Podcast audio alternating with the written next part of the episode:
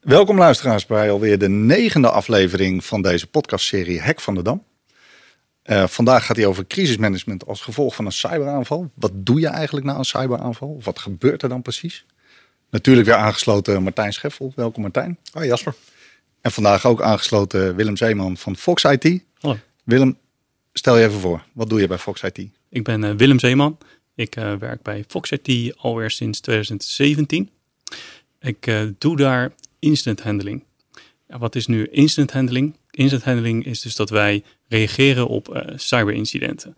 Dat betekent dus dat um, als er ergens uh, een urgente uh, dreiging is, of misschien al wel een, een hack gaande, of ja. de, de, klant heeft iets ontdekt, dat we daar snel op reageren. Soms op locatie, soms kan het remote. En in ieder geval ondersteunen en onderzoeken en onderzoeksvragen proberen te beantwoorden. Eerst kijken we altijd eventjes naar wat er ook gebeurde in de media de afgelopen maand. En, en volgens mij hebben we wel weer wat voorbeelden, Martijn, toch?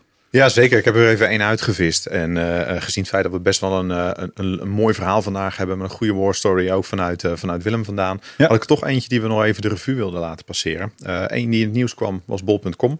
Ja, en dat ging toch wel weer even om een flinke, een flinke grote zak met centen. Als je keek wat daar gebeurde met een security incident. En daar zag je dat sinds 2019 eigenlijk bol.com factuur aan het betalen was van Brabantia. Die eigenlijk helemaal niet van Brabantia zelf waren. Dus dat is ook wel weer een mooi voorbeeld. Dat ook niet alleen kleine ondernemers, maar ook hele grote organisaties. eigenlijk ook gewoon heel makkelijk ten prooi vallen van dat soort fraude. Hoe kan het toch weer? Hebben niet opgelet? Nou, wat je eigenlijk zag uiteindelijk in het, in het hele verslag is dat in 2019 werd er een e-mail gestuurd vanuit Brabantia vandaan. Hè. Dus er is toegang geweest tot zo'n partij. Ja. en dat e-mailtje was eigenlijk in heel slecht Nederlands gestuurd. Uh, maar met de vraag om het rekeningnummer te wijzigen. En uiteindelijk is dat keurig netjes doorgevoerd. Uh, en bol.com was al vanaf 2019 dus iedere maand de factuur aan het betalen aan Brabantia. Maar uiteindelijk kwam dat bij de aanvallers terecht. Nou, ik heb het natuurlijk gelezen, hè, want het was al onbekend in de media. Ja, of tenminste, ja. Daar is en het is natuurlijk veel... ook een bekende naam natuurlijk aan bol.com. En dat is ook uh, niet de kleinste. En ik denk ook vooral interessant om te zien, is dat uh, ook bij zo'n gebrekkig Nederlands e-mailtje, waarvan iedereen eigenlijk zegt, ja, dat had je kunnen zien, maar dat het uiteindelijk toch effectief is voor zo'n cyberaanvaller om toch zijn doel te bereiken. Ja, je en vraagt je af hoe het er doorheen kan slippen. Ja, toch maar weer, ja, hè? toch, toch 750.000 euro. En het, het Ja. leuke was natuurlijk dat bol.com eigenlijk dacht, daarmee zijn we er dan wel vanaf. En de rechter toch besloten heeft dat ze de openstaande factuur nog even moeten betalen. Dus einde van de rit, grote zak met centen. Twee keer moeten betalen eigenlijk. Twee keer moeten betalen. Ja, Ja. Dan zie je ook dat voor dat soort organisaties ook die security awareness gewoon onwijs belangrijk is. In onze voorbespreking had je ook nog een voorbeeld, eh, Willem. U bedoelt natuurlijk Colonial. Die, Ja. eh, de hack op de, de oliepijpleidingmaatschappij, als ik het goed heb begrepen. Dat had nogal wat impact, eh ja, kun je wel nogal. zeggen. En zo kan je. Ja, ik denk dat het een. Nou ja, het wordt. Kijk, met, met incidenten, dat is altijd lastig om het woord mooi te gebruiken. Maar voor het makkelijke, het is wel een mooi voorbeeld om te zien. Ehm, hoe dat dus de, de maatschappij kan ontwrichten, eigenlijk. Dus eh, dat, wordt natuurlijk verwacht dat dat steeds meer gaat gebeuren. Eh, steeds meer wordt digitaal. Maar in het geval van Colonial was het dus zo dat de systemen door ransomware plat lagen. Alles was versleuteld, dus dat betekent ook vaak dat de systemen stoppen met draaien. En daardoor kon er ehm, eh, slechter ehm, olie en uiteindelijk eh, benzine en diesel geregeld worden. En waardoor de prijzen omhoog gingen, mensen gingen hamsteren.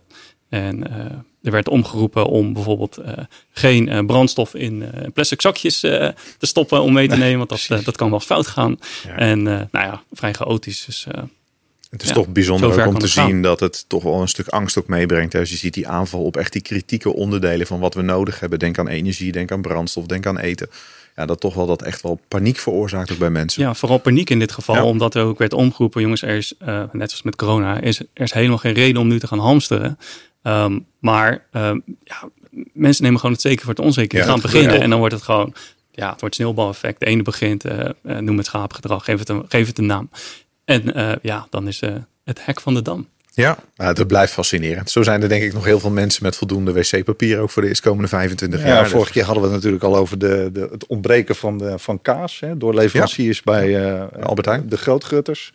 Eh, en nu, eh, nu deze, dus wel heel typerend wat er dan allemaal weer in, in hackersland aan het gebeuren is, zeg maar. Waar het ook daadwerkelijk de consument aan het raken is. Absoluut. Ja, ja. En dit zie je natuurlijk gewoon impact hebben op volledig iedereen die maar brandstof wil hebben. Iedereen die daar in de buurt woont. En dat is eigenlijk eh, ja, niet terecht, maar wel logisch dus dat het gebeurt.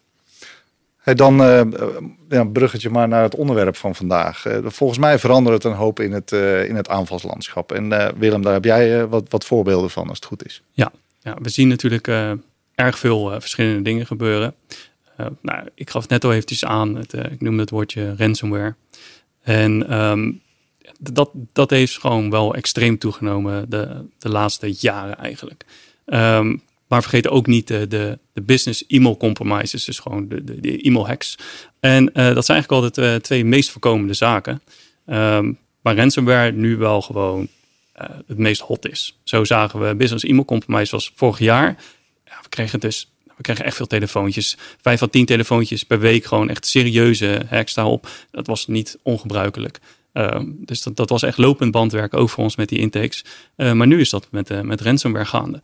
Ja, dus, die ehm, e-mail compromises, dan heb je het over, er worden fictieve mails gebruikt of gestuurd en daar gaan mensen op reageren. Ja, zoals Martijn net aangaf met, met bol.com. Ik weet niet zeker of nou de verzender uiteindelijk in het systeem van bol zat. Uh, volgens mij was het in dit geval uh, niet het verhaal. Dus, maar uiteindelijk is het wel een vorm van ja, een business e-mail compromise in de vorm van CEO-fraude. Ja, precies. Ja. Zo kunnen ze ook een domeinnaam namaken, een letter namaken. En dan lijkt het net alsof het van in dit geval Brabantia afkomt. Maar dan is het niet zo. Uh, waar je wel even kan afvragen, hey, maar hoe wisten ze dan een bepaald mailtje zo goed na te maken? Misschien zitten ze gewoon het systeem van Brabantia. Of misschien toch in Bol konden ze het daardoor zo goed namaken en um, ja, zo vertrouwelijk eruit te laten zien. Uh, dus dat zijn ook kwesties uh, waar je aan moet denken. Die krijgen we dan binnen en dat wordt aan ons, die vraag wordt gesteld. Nou ja, dan, dan ga je dus onderzoeken van wie is hier eigenlijk gehackt? Wat, dat weet je soms niet. En daar ja, kun, kunnen rechtszaken uit voorkomen. vraag natuurlijk om uiteindelijk te Ja, dus een heel bekend voorbeeld voor ons. Ja, we hebben natuurlijk veel, veel ook eerder over gehad. Hè, dat mensen toch lang binnen zitten. En dat is eigenlijk wat je, wat je zegt. Hè, van, joh, ze hebben het goed kunnen namaken. En daardoor hebben ze kunnen kijken van joh, hoe is die communicatie nou? En hoe kunnen we dat nou zo mooi mogelijk erop te laten lijken om toch ja, dat geld los te peuteren. Dat is wat er gebeurd is. Ja, ja, klopt. Ja, dat zorgt ook voor vertrouwen weer. Hè? Als je natuurlijk het vertrouwen hebt en het komt over als zijnde iets legitiems. Ja, dan zijn mensen natuurlijk veel sneller geneigd om daarop te reageren op zo'n e-mailtje. Ja. ja. en dat is toch, uh, al is het dan gebrekkig Nederlands, dan zie je toch dat het feit dat het erop lijkt dat het goed is, voldoende is voor iemand om gewoon zijn rekeningnummer te wijzigen. Ja, en het, het, hoeft niet eens bij één van de twee partijen. Het kan veel. Uh, supply chain is tegenwoordig ook een erg uh, populair woord. Maar het kan natuurlijk ook ergens in de, de ketting van toeleveranciers zitten. Dat daar ergens een, een factuur of iets of een mail op straat is gekomen, ja, dan is het natuurlijk een eenvoudig uh, kunstje om, uh, om die na te maken. En hem, en hem opsturen, alleen even het rekeningnummer te veranderen. Ja, worden ze dan zoveel slimmer? Of dat is eigenlijk wat er gebeurt, toch? Ja, ze worden steeds slimmer. En dat, ehm, ja, om bijvoorbeeld, een eenvoudig voorbeeld is, ehm, in het geval van een business e-mail compromise waarbij ze echt in het systeem zitten, wordt dat gewoon 9 van de 10 keer gedaan omdat mensen alleen nog een gebruiksnaam en wachtwoord als authenticatie gebruiken. En geen uh, ja, meervoudige authenticatie, uh, multifactor authentication of 2FA uh, uh, genoemd, gebruiken. Waardoor je dus nog een extra code moet ingeven om in te loggen. Dus als een aanvaller jouw gebruiksnaam en wachtwoord weet, dan uh, zijn ze al binnen. Um, maar wat we dus ook zien, is dat aanvallers daar ook rekening mee houden. En ook dat steeds vaker weten te omzeilen. Wel veel minder vaak. Ja. Um, en ze kloppen eerder aan bij de buren als jij wel 2 hebt natuurlijk. Um, maar je, je ziet dat ze slimmer worden. Nou ja, het is bijna een gimmick aan het worden. Dat we het iedere uh, keer dat we die podcast opnemen we kunnen over moeten hebben. Ja. Uh, maar MFA, uh, waar je op, op richt, natuurlijk wezenlijk van belang. En voeg dat nou alsjeblieft toe. Hè? Want daar, ja. nou ja, je zegt dan is het al minder mogelijk om makkelijker binnen te komen. Maar ook hier zijn inmiddels alweer uh, ja, maatregelen die die hackers kennen of zo, waardoor dat niet meer uh, of te omzeilen valt? Ja, maar dat, dat is wel een, stuk complexer. En het ligt er even aan welke dienst je gebruikt. De ene dienst is veiliger dan de andere dienst. Als je het hebt over Office 365, wat de meeste mensen wel kennen, is het hartstikke veilig. Maar er zijn ook gewoon gevallen dat je toch een, uh, een phishing mailtje kan namaken waar ook om je 2FA-code wordt gevraagd. Of um, omdat ze bijvoorbeeld je, je, je authenticatietoken, want zo werkt het in de, onder de motorkap, weten te bemachtigen. En dat ze daarmee dus je sessie um, overnemen. En dus doen, ja, ze repliceren eigenlijk jouw, ze stelen je sessie eigenlijk. En die gebruiken ze dan voor hun aanvallers PC. En dan zitten ze ook in je. Alleen, ja, zoals je merkt, er zijn wel wat extra stappen voor de aanvallen voor nodig. Het is wat Maar dat is wel waar ze slimmer worden. Ja, ja, precies. Maar ik denk einde van de rit, wat je terecht aangeeft, het niet hebben van de MFA is eigenlijk gewoon, ja, vandaag de dag weer dat niet meer hebben. En om daar nog een laatste ding over te zeggen, het is hetzelfde als dat je gewoon in straat woont. Je kijkt naar alle voordeuren en um, je, hebt, je hebt iets dat heet kerntrekbeveiliging, waar een, um, een inbreker heel makkelijk in, in 30 seconden, geloof ik. Er zijn allemaal filmpjes van te vinden. Het is echt best indrukwekkend om te zien. Zo'n cilinder eruit kunnen trekken. Ja. Daar kun je je voordeur tegen beveiligen. En op een gegeven moment kun je gewoon de klok erop gelijk zetten. Nou, tien van de mensen in de straat hebben het, maar die ene niet. En ja hoor, daar wordt gewoon ingebroken. Ik heb het zelfs van in mijn eigen straat zien gebeuren. Ja. Dus ze gaan gewoon eh, ze gaan weer verder, want weg van de minste weerstand inderdaad. Ja, hoe makkelijker je beveiligt, hoe meer je beveiliging je de- hebt toegepast eigenlijk, dan, eh, dan kijken ze al snel verderop. Ja. Dat is eigenlijk je, je boodschap. Nou, je had het net nog even over ransomware. Dat is misschien ook wel een leuke. Want daar zie je natuurlijk wel echt iets veranderen uit de laatste jaren. Want eh, ransomware wordt natuurlijk vaak nog vergeleken met de cryptolockers die we kenden. En je, klikt een mailtje, je start iets en je, je pc wordt versleuteld. Maar daar zie je natuurlijk de laatste jaren best wel een verschil in de manier hoe ze natuurlijk uiteindelijk dat losgeld gaan vragen. Waar je natuurlijk in het begin heel veel massa-aanvallen had. Hè? Dus gewoon allemaal e-mailen en hopen dat je met scoren. Ja, een beetje dat idee. Maar daar zie je natuurlijk wel echt steeds meer gerichte aanvallen in zitten. Eh, en natuurlijk uiteindelijk dat ze mensen afpersen om die data ook aan publiek te dumpen. Hè, waarmee dus je spul op straat ligt als je niet betaalt. Ja, waar we natuurlijk voorheen altijd onszelf veilig waanden met het hebben van een goede backup. Dus ik betaal geen losgeld, want ik zet de backup wel terug. En daar zie je wel echt een, een verandering gaande. Of denk ik ook iets wat jij heel erg herkent, hè? Ja, zeker weten. Eh kan ik me helemaal eh, in vinden. Ehm, als ik voor mezelf even terugkijk, dat gewoon, ja, ook, ook voordat ik bij, eh bij Volks werkte, dus voor 2017, toen was er al uh, ruimschoots ransomware. Maar precies zoals Martijn zegt, toen was het meer, je opende een, een mailtje en eh, je computer zelf werd versleuteld. Ja. En die computer was niet meer te bru- gebruik. Volgende variant was, je opent een mailtje, je computer wordt versleuteld, maar hij kijkt ook eventjes van waar kan ik onder de rechten die deze gebruik heeft, waar dit wordt uitgevoerd, direct omheen op het netwerk allemaal dingen versleutelen. Dus als nou net de directeur dat opende, op de een of andere manier was het toch ook best wel vaak de directeur, ik weet niet hoe dat dan ligt, Ehm, kon die best wel versleutelen, want die moet natuurlijk bij heel veel eh, shares eh, kunnen. Ehm, Bijvoorbeeld, en, ja. en dan eh, werd dat versleuteld, dus toen werd die impact al, al zwaarder. Uh, maar, maar, tegenwoordig um, is dat zo wijd verspreid. En dan praten we zelfs over targeted ransomware, waar dus mensen of aanvallers echt op zoek zijn naar een bepaalde organisatie om, om, om daar binnen te komen. En um, ja, en, en, dan een slag slaan.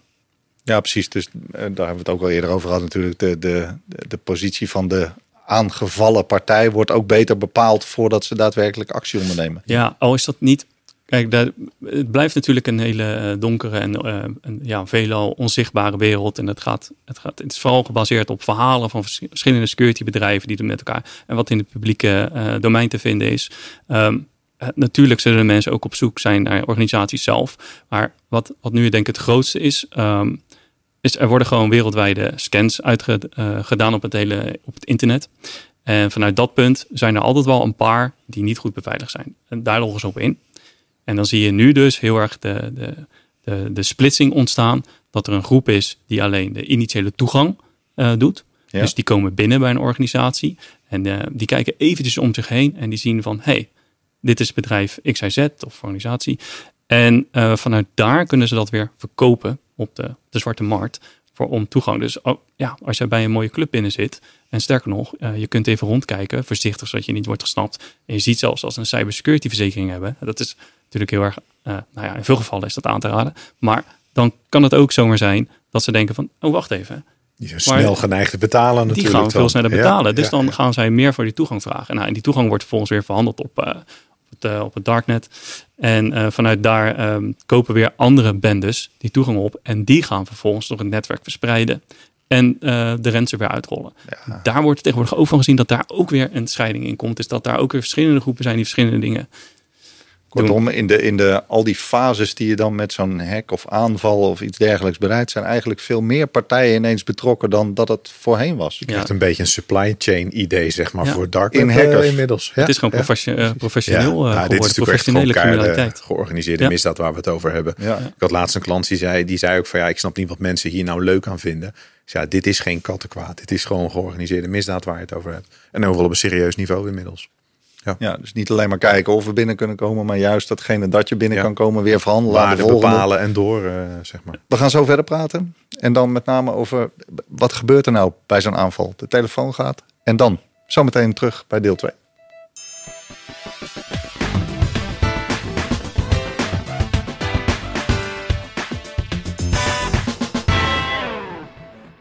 Welkom terug luisteraars. Eh, deel 2 alweer eh, van de podcast. We gaan het nu hebben over eh ransomware aanval en de bestrijding daarvan. En wat gebeurt er nou Willem? De telefoon gaat. En dan? Ja, dat, dat verschilt heel erg. Ehm, kijk, ransomware, dat, is, dat hoeft niet meteen te betekenen dat alles al gelijk op, op slot staat. Het kan natuurlijk ook een uh, voorbereidende fase zijn. Dus ehm, wat belangrijk is, is als je zo'n telefoontje krijgt, is dat je wel goed uh, de intake ingaat met de klant en dus uh, goed uitvraagt wat er nou echt gaande is. Je begint echt met vragen als met hoeveel computers hebben jullie überhaupt? Hoe, ziet je, hoe verdienen jullie je geld eigenlijk? Om een beetje een idee te krijgen. Uh, je krijgt dus uh, telefoontjes waarin ze zeggen, joh, dan gaat hier iets niet helemaal goed, we hebben gekke dingen gezien. wat, wat kan dat zijn? En er is een variant, hoi, kunnen jullie nu helpen? Niks doet het meer. Ja, daar is het natuurlijk heel tastbaar. Ja. Er is iets gebeurd en het is gewoon stuk, ja. eigenlijk. Ja, die wil je eigenlijk niet. Oh. Want uh, nou ja, als, uh, kijk, je moet natuurlijk wel een beetje van je, van je werk houden om dat goed te kunnen doen. Dus het is wel gaaf om dan te onderzoeken, om te mogen onderzoeken van ja, wat is er gebeurd en hoe kunnen we zo snel mogelijk eigenlijk iets vertellen over de toedracht. want dan kunnen ze dat lek ook dicht uiteindelijk. Dat maar die is... eerste variant, hoe weet zo'n klant nou precies veel, er is iets bij mij ja. aan de hand? dat verschilt, dat verschilt heel erg. En dat verhaal is, is bijna iedere keer anders. Um, maar ja, denk bijvoorbeeld aan een, um, een, een, administrator van het netwerk, een systeembeheerder. Die is gewoon bezig met zijn, met zijn dagelijks onderhoud. Of hij zit gewoon op, op, op een server of, of zij of, of ja, whatever. En die treft, uh, die opent de, de, de, processenlijst en die ziet gewoon ineens gekke processen draaien. Of die ziet iemand, uh, die ziet een, een gebruiksaccount die hij niet herkent. Dat, dat soort gekke dingen. Maar uh, het, uh, het kan ook gewoon simpelweg zijn dat hun eigen monitoringsoplossing een alert heeft gegeven. Een SIEM, een ja, IDS, nou, noem maar op. Je hebt natuurlijk heel veel, of de virusscanner. En um, gaan ze verder onderzoeken en dan zien ze zelf wel van, hé, hey, maar dit is, dit is stap voor Ik zie dat ook op die andere computer. Je ziet wat aan de hand. Nou, dan ontstaat een lichte paniek en dan worden wij uh, gebeld. Sommige organisaties zijn daar heel veel verder in. Die doen al uh, misschien 80% zelf.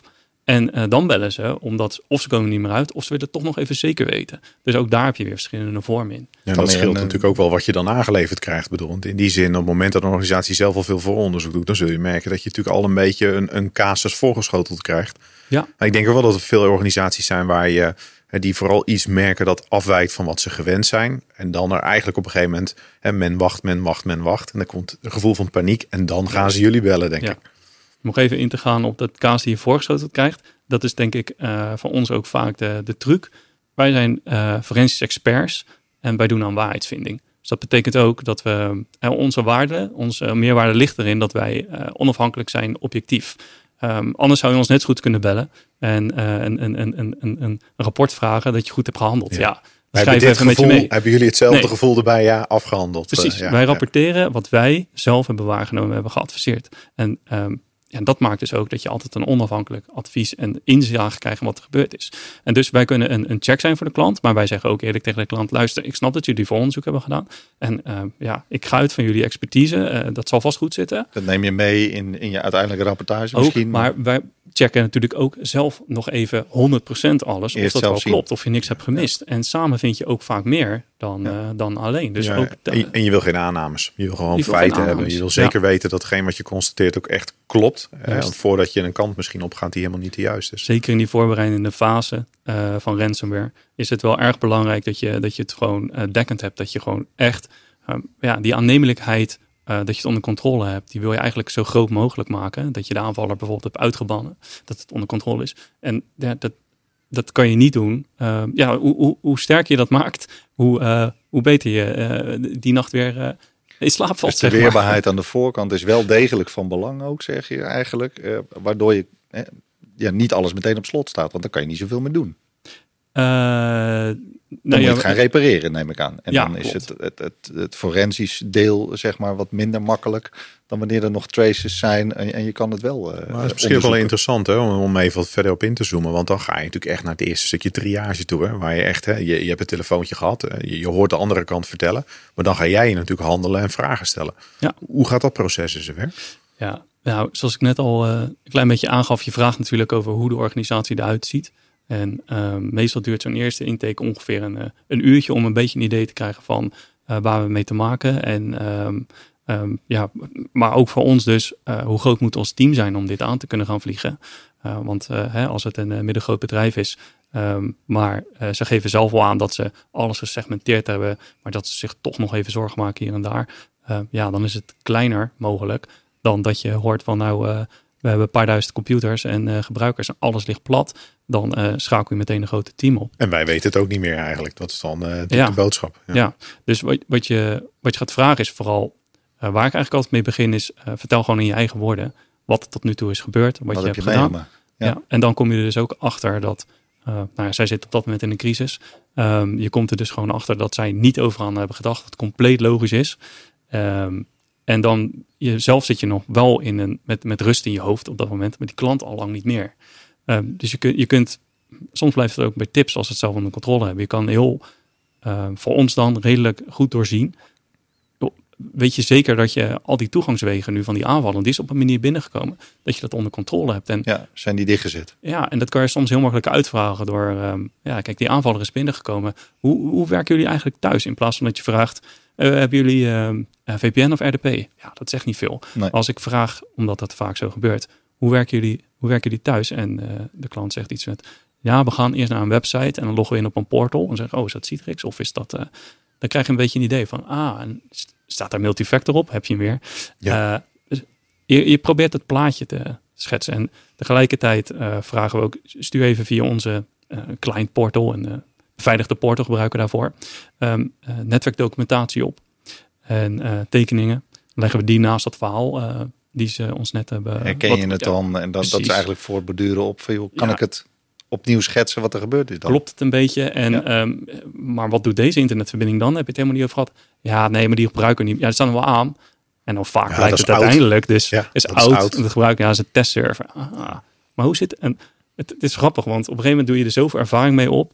Dat je soms tijdens de intake, hè, daar hebben we opgehangen. En dan kijken we elkaar aan uh, als, als collega's. Dan zeggen ze.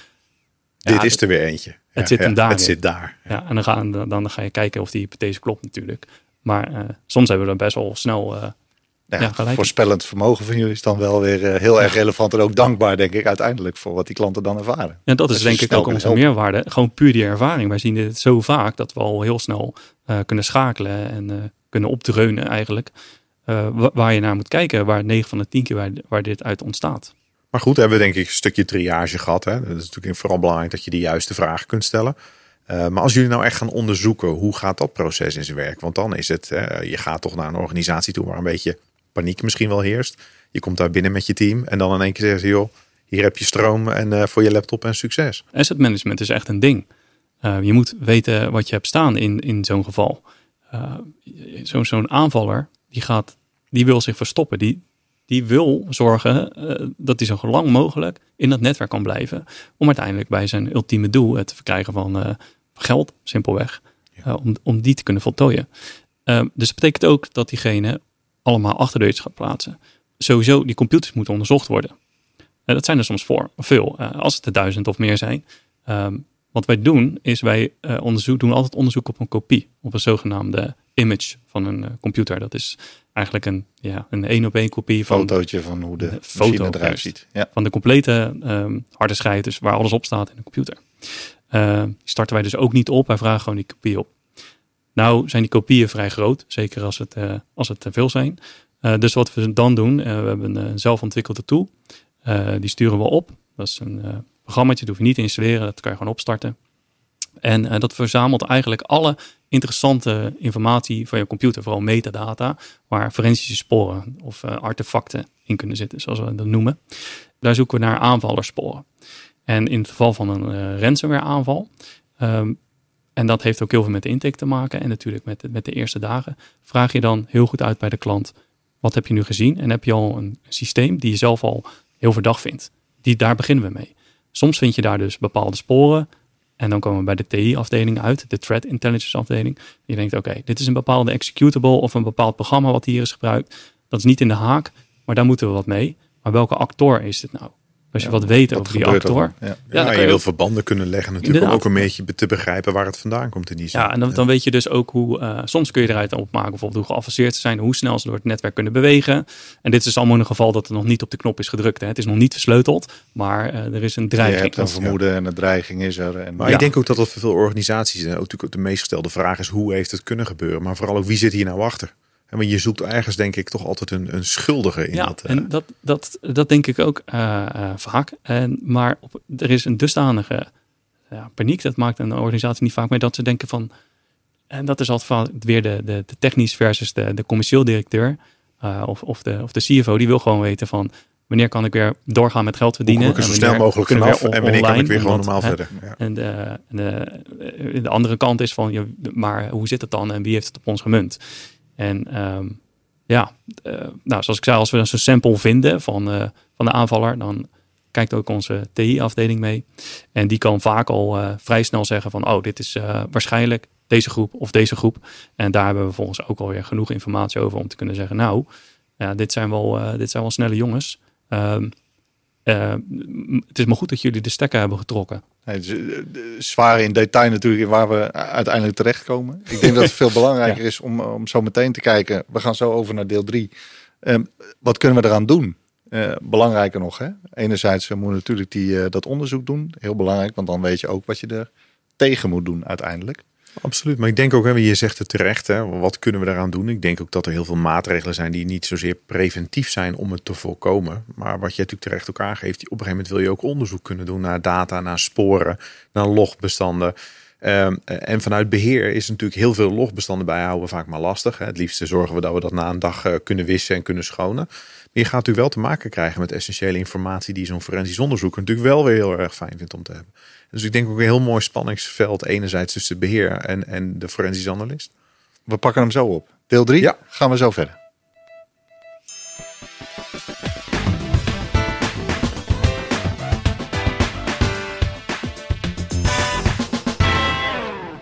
Deel 3 alweer, uh, mannen, van uh, de podcast. We hebben het net uitgebreid gehad over wat er bij die klant allemaal uh, gebeurt op het moment dat hij die ransomware aan het ervaren is.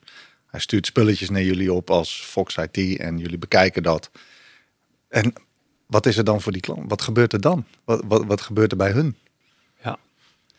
En uh, laten we de, de, nog steeds even bij de, de rode draad dan blijven. In het geval dan dat het een, een voorbereidende actie was op de, op de ransomware. Dus ze hebben sporen gezien. En dat blijkt nu ook uit ons onderzoek. Hè. Er zijn sporen. Ze hebben meerdere achterdeurtjes achtergelaten. Uh, wat, wat gaan we doen? Ja. Dan, dan uh, kan je dus afvragen, nu we dat weten, uh, beste klant, zijn jullie nogal online eigenlijk met de organisatie? Want wij zien dus net dat er inderdaad echt gewoon actief nog een, een aanvaller is.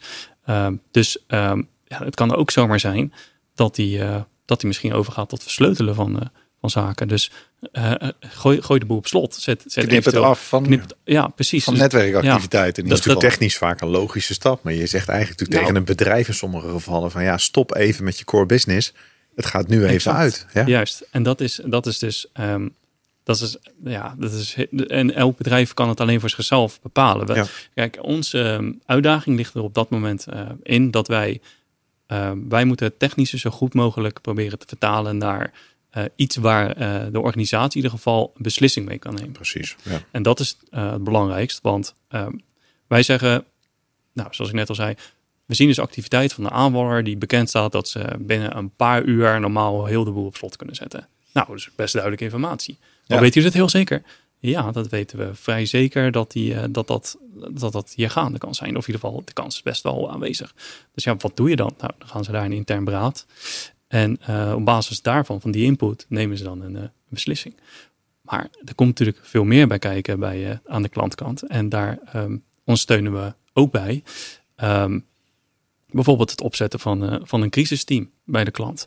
Um, je, je, je hebt te maken met verschillende afdelingen. En hoe zijn jullie nu zelf bezig eigenlijk uh, met de crisis? Hebben jullie duidelijke rolverdelingen? Of uh, is iedereen gewoon zo hard mogelijk aan het rennen en vallen ze morgen om? Ja, dat is denk ik wel een lastig, want vaak wordt er toch gekeken naar kopstukken. Hè? Of de IT-manager of de directeur die de besluiten neemt. Ja. Maar ik denk dat als organisatie best belangrijk is dat je wel weet wie welke rol inneemt op zo'n moment. Want uiteindelijk wil je één kapitein op het schip, maar je wilt zorgen dat iedereen zijn deel van die verantwoordelijkheid eigenlijk kan invullen. Want eentje die bijvoorbeeld ook altijd voorbij ziet komen, is ook van, stel nou dat er uh, wel iets gebeurt, zo'n aanvaller gaat over tot versleutelen. Nou, we hopen het in dit geval niet. Nee. Maar stel dat het gebeurt, wie informeert bijvoorbeeld uh, het publiek en de media? Als het echt een, een organisatie is die, die gezien wordt. Hè? Neem bijvoorbeeld een bol.com. Uh, we hadden het er net over, maar er zal ook iemand moeten zijn vanuit de marketing of communicatie die of even verantwoording uh, die toch even de wereld vertelt wat er aan de hand is. Maar dus denk ik best wel, uh, dat is natuurlijk ook wel iets denk ik wat jullie mee adviseren, hè, van zorgt voor die rolverdeling. Maar um, zie je dat nou in organisaties wel veel terugkomen dat dat echt helder is? Nee, maar en dat is altijd een beetje de paradox waar we dan in leven. Uh, soms denk ik van, zijn het nou de organisaties die dat niet goed op orde hebben, die ons bellen? En misschien zijn er wel heel veel organisaties die het super goed op orde hebben, die dus gewoon, waar je nooit wat van hoort. Die spreek je niet van, ze hebben het goed op orde, zeg maar. Ja. Dus ik, ik weet dus niet of dat, of dat, of dat gaande is. Um, maar in ieder geval de organisaties die wij spreken, waar ik in ieder geval over kan spreken, um, daar zie je dus dat, um, dat dat niet altijd op orde is. En dat daar ook niet van tevoren over na is gedacht. niet over alle topics in ieder geval, maar bijvoorbeeld uh, communicatie, dan ligt het ook net maar weer aan, is die organisatie groot genoeg om een eigen communicatieafdeling te hebben of niet? En uh, hoe, hoe handig zijn die mensen simpelweg? En Soms, nee, wie gaat het dan doen in dat geval? Ja. vaak genoeg ook uh, zijn we verbaasd hoor. Of, uh, of nou pre, plezant verrast, zeg maar. Van, oh joh, jullie hebben al eigenlijk een, een bericht opgesteld. Dat is wat je zei, is iets wat we, wat we aanraden. Als je weet, oh, er is iets gaande en dit kan, dit kan echt wel een impact hebben. En misschien ook wel, hè, dat kan misschien wel imagoschade opleveren. Stel alvast, ook al gaat het misschien niet gebeuren, maar wel externe communicatie op. Dat als de krant voor de deur staat, dat je in ieder geval dat je weet wat je gaat zeggen. Maar ook intern, um, denk goed na over hoe je dat intern communiceert. Je kan het helemaal heel goed uh, voorlopig even stil proberen te houden. Misschien is er nog niet echt veel aan de hand. Misschien loopt het al met de sisser af. Maar wat nou als de systemen wel deels plat liggen en de receptionist neemt, neemt op. de telefoon op. Ja, sorry, ja. kan niet, systemen zijn gehackt. Ja. dan ben je weer terug bij af. En het gebeurt gewoon, dat soort dingen. En dat klinkt als een grappige anekdote, maar volgens mij ja, kom je dit natuurlijk wel tegen. Het is chaos en mensen vergeten elkaar te... De, dus, nou ja, het is... En dan komen we straks nog even bij de aanbevelingen natuurlijk. Maar het is heel belangrijk dat je dus verschillende rollen hebt. En, uh, maar dat geldt ook voor HR. Um, ehm, wie kan er in het systeem om, uh, om te zien wie er onlangs in dienst is gekomen? Of um, wordt daar misschien bijgehouden wat... Uh, uh, of, er, of er misschien uh, wrok kan zijn. Want het kan ook een insider threat zijn, zoals we... Oud-medewerker. Ja, ja, oud iets wat volgens mij ook steeds meer voorkomt. Accounts die niet zijn uitgeschakeld, die zijn vergeten waar ze nog mee inloggen. Dat, dat kan allemaal voorkomen. Maar ik denk ook voor organisaties heel belangrijk uiteindelijk dat je ook in de vorm van een bijvoorbeeld een incident response plan, hè, dat klinkt natuurlijk heel formeel, maar dat je in ieder geval wel ergens uh, nagedacht hebt en vastgelegd hebt wat zo'n draaiboek is op het moment dat er dan zo'n incident is. Want ja, eh, de, de heerst paniek, de eerste emotie wil eigenlijk gewoon zorgen dat iedereen iets kan pakken. En eh, waar gewoon in staat, joh, zo gaan wij handelen. Uh, en ik denk ook niet heel onbelangrijk, het ook te oefenen, denk ik. Ja, ja precies. En uh, ja, zo heb je dus meerdere rollen waar. Uh, en, en denk ook bijvoorbeeld naar wie gaat dan aan de kant van de, de klant, dus voor het bedrijf zelf, wie gaat daar die crisis dan leiden? Want dat moet ook gewoon gebeuren. Ja. En die moet uiteindelijk weer kijken zijn al die mensen, die rollen die daaronder horen. Denk aan HR, denk aan communicatie, denk aan security, denk aan business, maar denk ook aan uh, gewoon het systeembeheer. Um, wie zijn daar dan de leads van? En binnen die rollen, uh, aan systeembeheer bijvoorbeeld, heb je ook weer aftakkingen. Heb je uh, een afdeling die weet wat van cloud, je hebt een afdeling die doet serverbeheer, je hebt een afdeling die doet werkzaambeheer. En dan zit het daar ook weer. Dus een organigram is vrij handig. zeg maar. Ja, ja een organigram kopstukken. is nog geen crisisorganigram. Dus het kan zijn dat als je dat, je dat goed op orde hebt, maar dan is het zover. Ja, maar wie is nu, wie heeft er zin in, capabel genoeg, wie kan onder druk... Dan is het logisch vanuit een business perspectief, maar eigenlijk vanuit een crisis misschien weer niet juist de juiste poppetjes. Nee, dus daar is dat incident responsplan zo, zo goed voor, dat je dus dit soort dingen vastlegt van hoe gaan wij nu uh, tijdens zo'n zo'n crisis, hoe gaan we dan eigenlijk met elkaar om? Het is wel aardig, hè? want ik, ik merk dat veel is natuurlijk IT gerelateerd. Hè? Dus men spreekt uh, vrij snel eigenlijk de IT-afdeling, de IT-verantwoordelijke of wat dan ook aan op het feit dat er dan iets gebeurd is. Maar je zegt eigenlijk bij een daadwerkelijke crisis of uitbraak van het een of het ander dat veel meer rollen effect moeten hebben binnen het oplossen van die crisis. Ja, ja. ja het is echt een, een samenwerking die je, die je nodig hebt om. Uh, crisis erboven te komen. Ja, Je, hè, niet gekscherend, maar HR moet een rol spelen hè, vanwege oud of nieuw medewerkers. Directie moet een rol spelen vanwege besluitvorming wellicht. Juist. Dus het gaat veel breder dan alleen maar die IT'er die eigenlijk al best veel verantwoordelijkheden heeft binnen zo'n organisatie dan. Ja, dat zie je ook. Ik weet niet hoe jij dat ervaart, maar op het moment dat er vaak iets gebeurt, zie je dat ook heel vaak terug. Hè? Dat gezegd wordt bijvoorbeeld van ja, er, er, missen misschien sporen voor dat onderzoek. Hè? Je mist wat logbestanden. Gezegd van waarom heeft IT er niet voor gezorgd dat we die hadden? En terwijl er vaak aan de, de grondslag ligt, hoe vaak of hoe lang als organisatie bewaar je nou logbestanden? En dat is eigenlijk meer een beleidskeuze die vastlegt van wat, waar moeten wij als organisatie aan voldoen? Misschien voor, een, voor een ISO-normering of een andere certificering.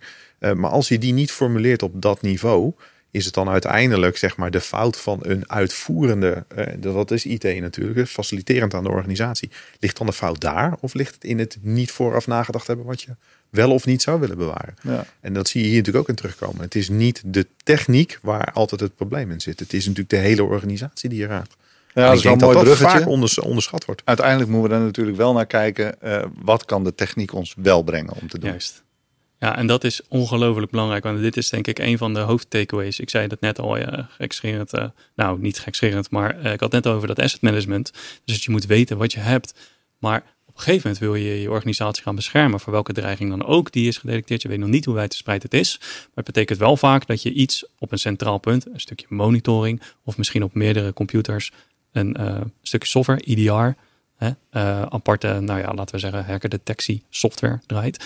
Maar hoe snel kan bijvoorbeeld IT weer dat uitrollen op alle computers. Hoe snel gaat dat? Nou, als dat meer dan een dag duurt, is dat misschien wel een probleem. Het ligt helemaal aan de dreiging, maar het kan voorkomen. Dus dan moet je, dan moet je allemaal paraat hebben staan ineens.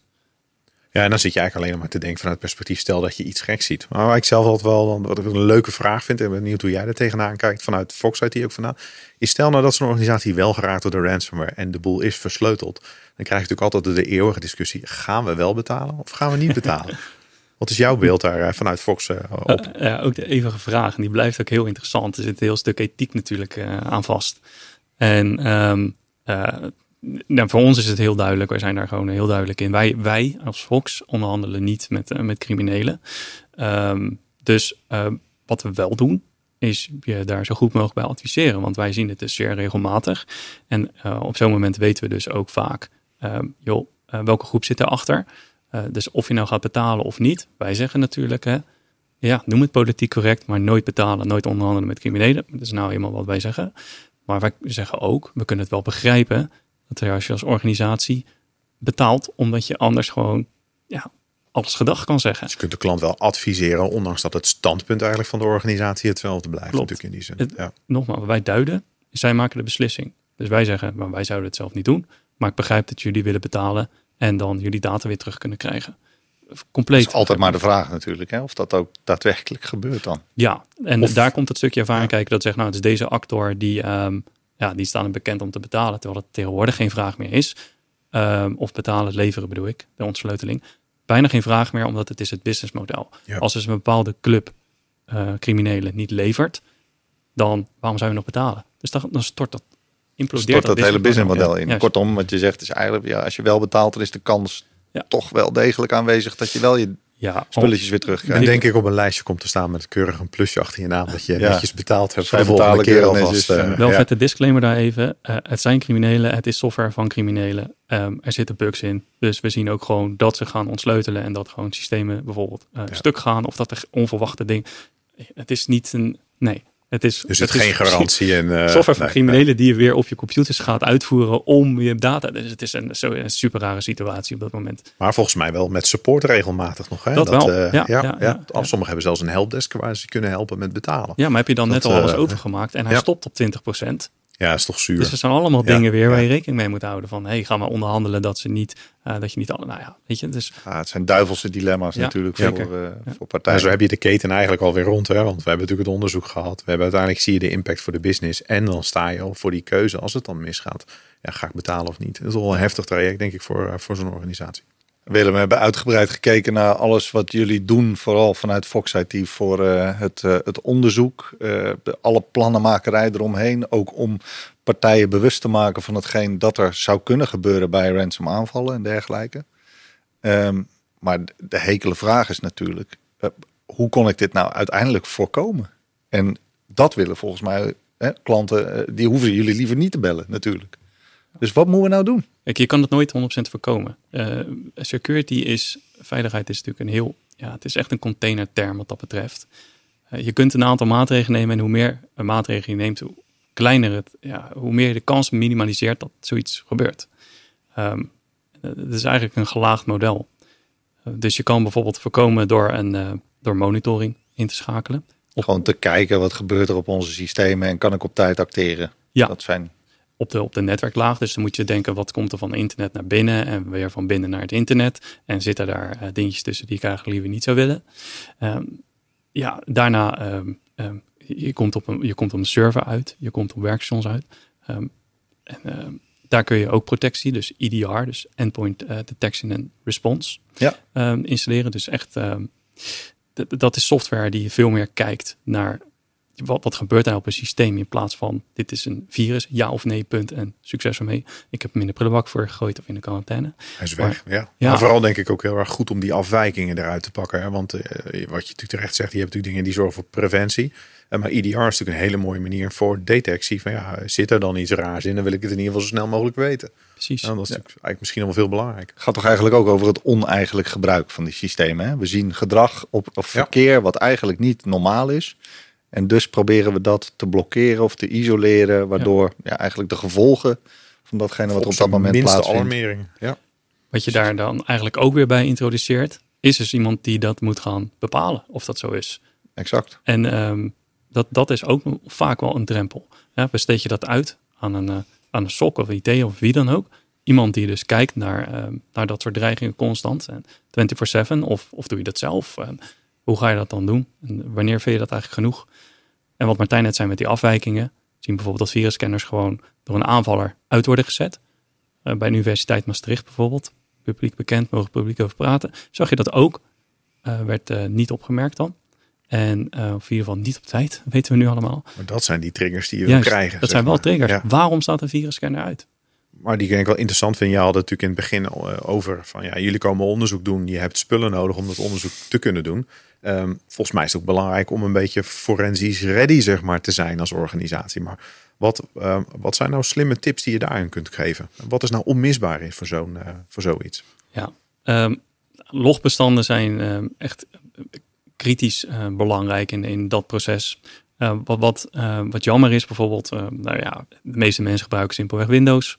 Ja, zeker in, in, in, in dat soort, ja, in organisaties zie je vaak gewoon een Microsoft domein. Aanvallers weten dat, maken daar gebruik van. En je ziet dus dat de Windows instellingen, bijvoorbeeld de logbestanden, die zijn, ja, die, die staan niet zo ruim. Die overspoelen heel snel. eh, first in, eh, first out. Ja. FIFO. Eh, dus het komt regelmatig voor dat wij wel dingen zien waar, waar we van denken van... hé, hey, maar als je nou de logs had, hadden we jou precies kunnen vertellen wat hier gebeurde. Maar nu Als we even terug alleen... konden kijken naar gisteren bij wijze van. Ja, ja. ja. en dan sommige logs binnen die, eh, binnen die eh, eh, logafdeling van Windows, die zijn dan iets langer beschikbaar dan andere. Dus dan kunnen we het een wel vertellen en het andere kunnen zeggen, nou uit ervaringen weten we dat ze hierna dit doen. Dus ga er maar vanuit dat ze al je gebruikersaccounts hebben ingezien en eh paswoord hashes hebben gestolen, bijvoorbeeld, weet je wel. Dus het is, ja, maar als je naar vraagt, wat, wat is belangrijk, dan zou ik dus, de quick win zou ik echt begin- beginnen met, gooi die retenties in ieder geval van hoe lang je terugkomt kunt kijken van, eh, van je Windows servers, maar ook andere apparaten in het netwerk. Gooi dat omhoog zover het kan, zover je de storage van hebt. Het ultieme doel is dat je dat ook centraal ergens opslaat, waar je niet meer, waar het niet eh, gewijzigd kan worden, allemaal heel veilig. Maar dit is een quick win. Dat zou mijn allereerste takeaway zijn.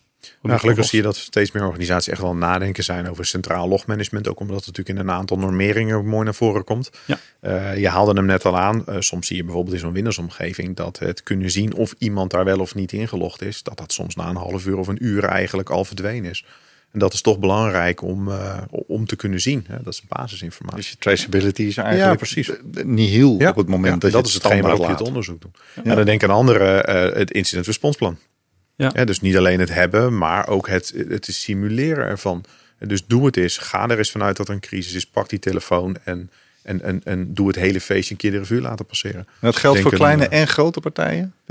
Ik denk dat dat onderscheid in te Nou, maken? ik denk dat dat als organisatie grootte niet uitmaakt. Kijk, misschien bij een grote organisatie ligt er zo'n boekwerk waarin alle rollen tot op 100% uitgekoud zijn. Eh, maar in essentie zou je het voor een kleine organisatie op 1 naar 4 ook kunnen doen. Het belangrijkste is wel, denk erover na. Eh, en- toets het, hè, als ik jou goed begrepen heb. Doe het ook een keer. Houd lekker praktisch. Ehm, je moet je voorstellen, adrenaline, dat zit echt tot, tot, tot hier. En dan, oké jongens, het is zover. Nou, waar ligt ook weer dat incident responsplan? Je pakt Ja. hem even bij. Eh, dus oefen het gewoon, zodat het wat natuurlijker wordt. Want je, gaat, je, hebt, je hebt de rust niet op dat moment om daar eens even Precies. rustig in dat boekwerk te duiken. Het moet kort en bondig, lekker praktisch zijn. En mensen moeten een beetje aanvoelen wat ze moeten gaan doen. We hebben er al over nagedacht. We grijpen gewoon terug op iets wat we al weten dat we moeten doen in die zin. Ja. en ik denk misschien wel een mooie helemaal een brugje richting, eh, richting jullie ook. Eh, ik denk, eh, test de beveiliging. Ja. doe, laat eens zo'n zo'n zo'n pentest doen. Laat jullie als zijnde Fox IT eens loslaten op die omgeving om echt te zien. want dat, je ziet natuurlijk wel iets aan, aan de preventie. Wordt vaak heel goed nagedacht over allerlei voorzieningen die we treffen. Maar je ziet dat die aanvallers soms gebruik maken van iets wat je zelf even niet meer bedacht had dat dat nog kon. En ik denk dat dat ook een heel goed advies is richting organisaties. Ja, niet alleen test je incident responsplan, maar test ook die beveiliging een keer. 100% ja. Ehm, wat je ook al ziet is dus dat, uh, dat, ze, dat, ze, dat ze wel de vinkjes hebben van de ISO-normeringen en dat soort zaken. Wat ik dan altijd graag zeg is, uh, hackers kijken niet naar vinkjes. Die kijken of ze binnen kunnen komen. En dat zal zo verder een worst wezen hoe, uh, ja, hoe gecertificeerd jij bent. Precies. En um, daar kom je dus alleen maar achter als je dus ook ethische hackers ja, die, die, die, die test laat doen. Kunnen ze bij jou binnenkomen. Zowel van intern als van buiten naar binnen proberen te komen. Dus vanuit, vanuit twee opzichten. Volgens mij zijn we er zo goed als doorheen, Willem. En uh, hebben we ja, eigenlijk veel dingen behandeld. Is er nog iets laatst wat je kwijt wil aan onze luisteraars? Het is moeilijk om hier niet uren over te praten. En het is niet te vatten allemaal in, uh, in een podcast, denk ik. Maar uh, ja, het is denk ik het meest belangrijk dat je even stilstaat bij uh, wat hebben we op dit moment. En wat, wat, wat gaan wij nou doen? Zet het, zet het op de agenda. Eigenlijk. Zet het op de agenda en ga het vooral testen. En het is niet erg om fouten te maken, want juist het moet natuurlijk aan gaan voelen. Nou, wees je bewust, heb daar oog voor. Ja. Dat is eigenlijk de uh, conclusie uh, daarvan. Ja, volgende keer gaan we kijken naar uh, een van onze relaties die, die we aan zal sluiten. En dat is dan de laatste podcast die we zullen maken in dit Nummer seizoen. Nummer 10 alweer. Nummer 10 alweer. Um, dan gaan we kijken naar informatiebeveiliging binnen organisaties. Uh, Martijn natuurlijk bedankt voor, uh, voor vandaag weer. En uh, Willem, speciaal jouw dank voor je aanwezigheid in deze podcast. Graag gedaan. En aan luisteraars graag tot, tot de volgende keer.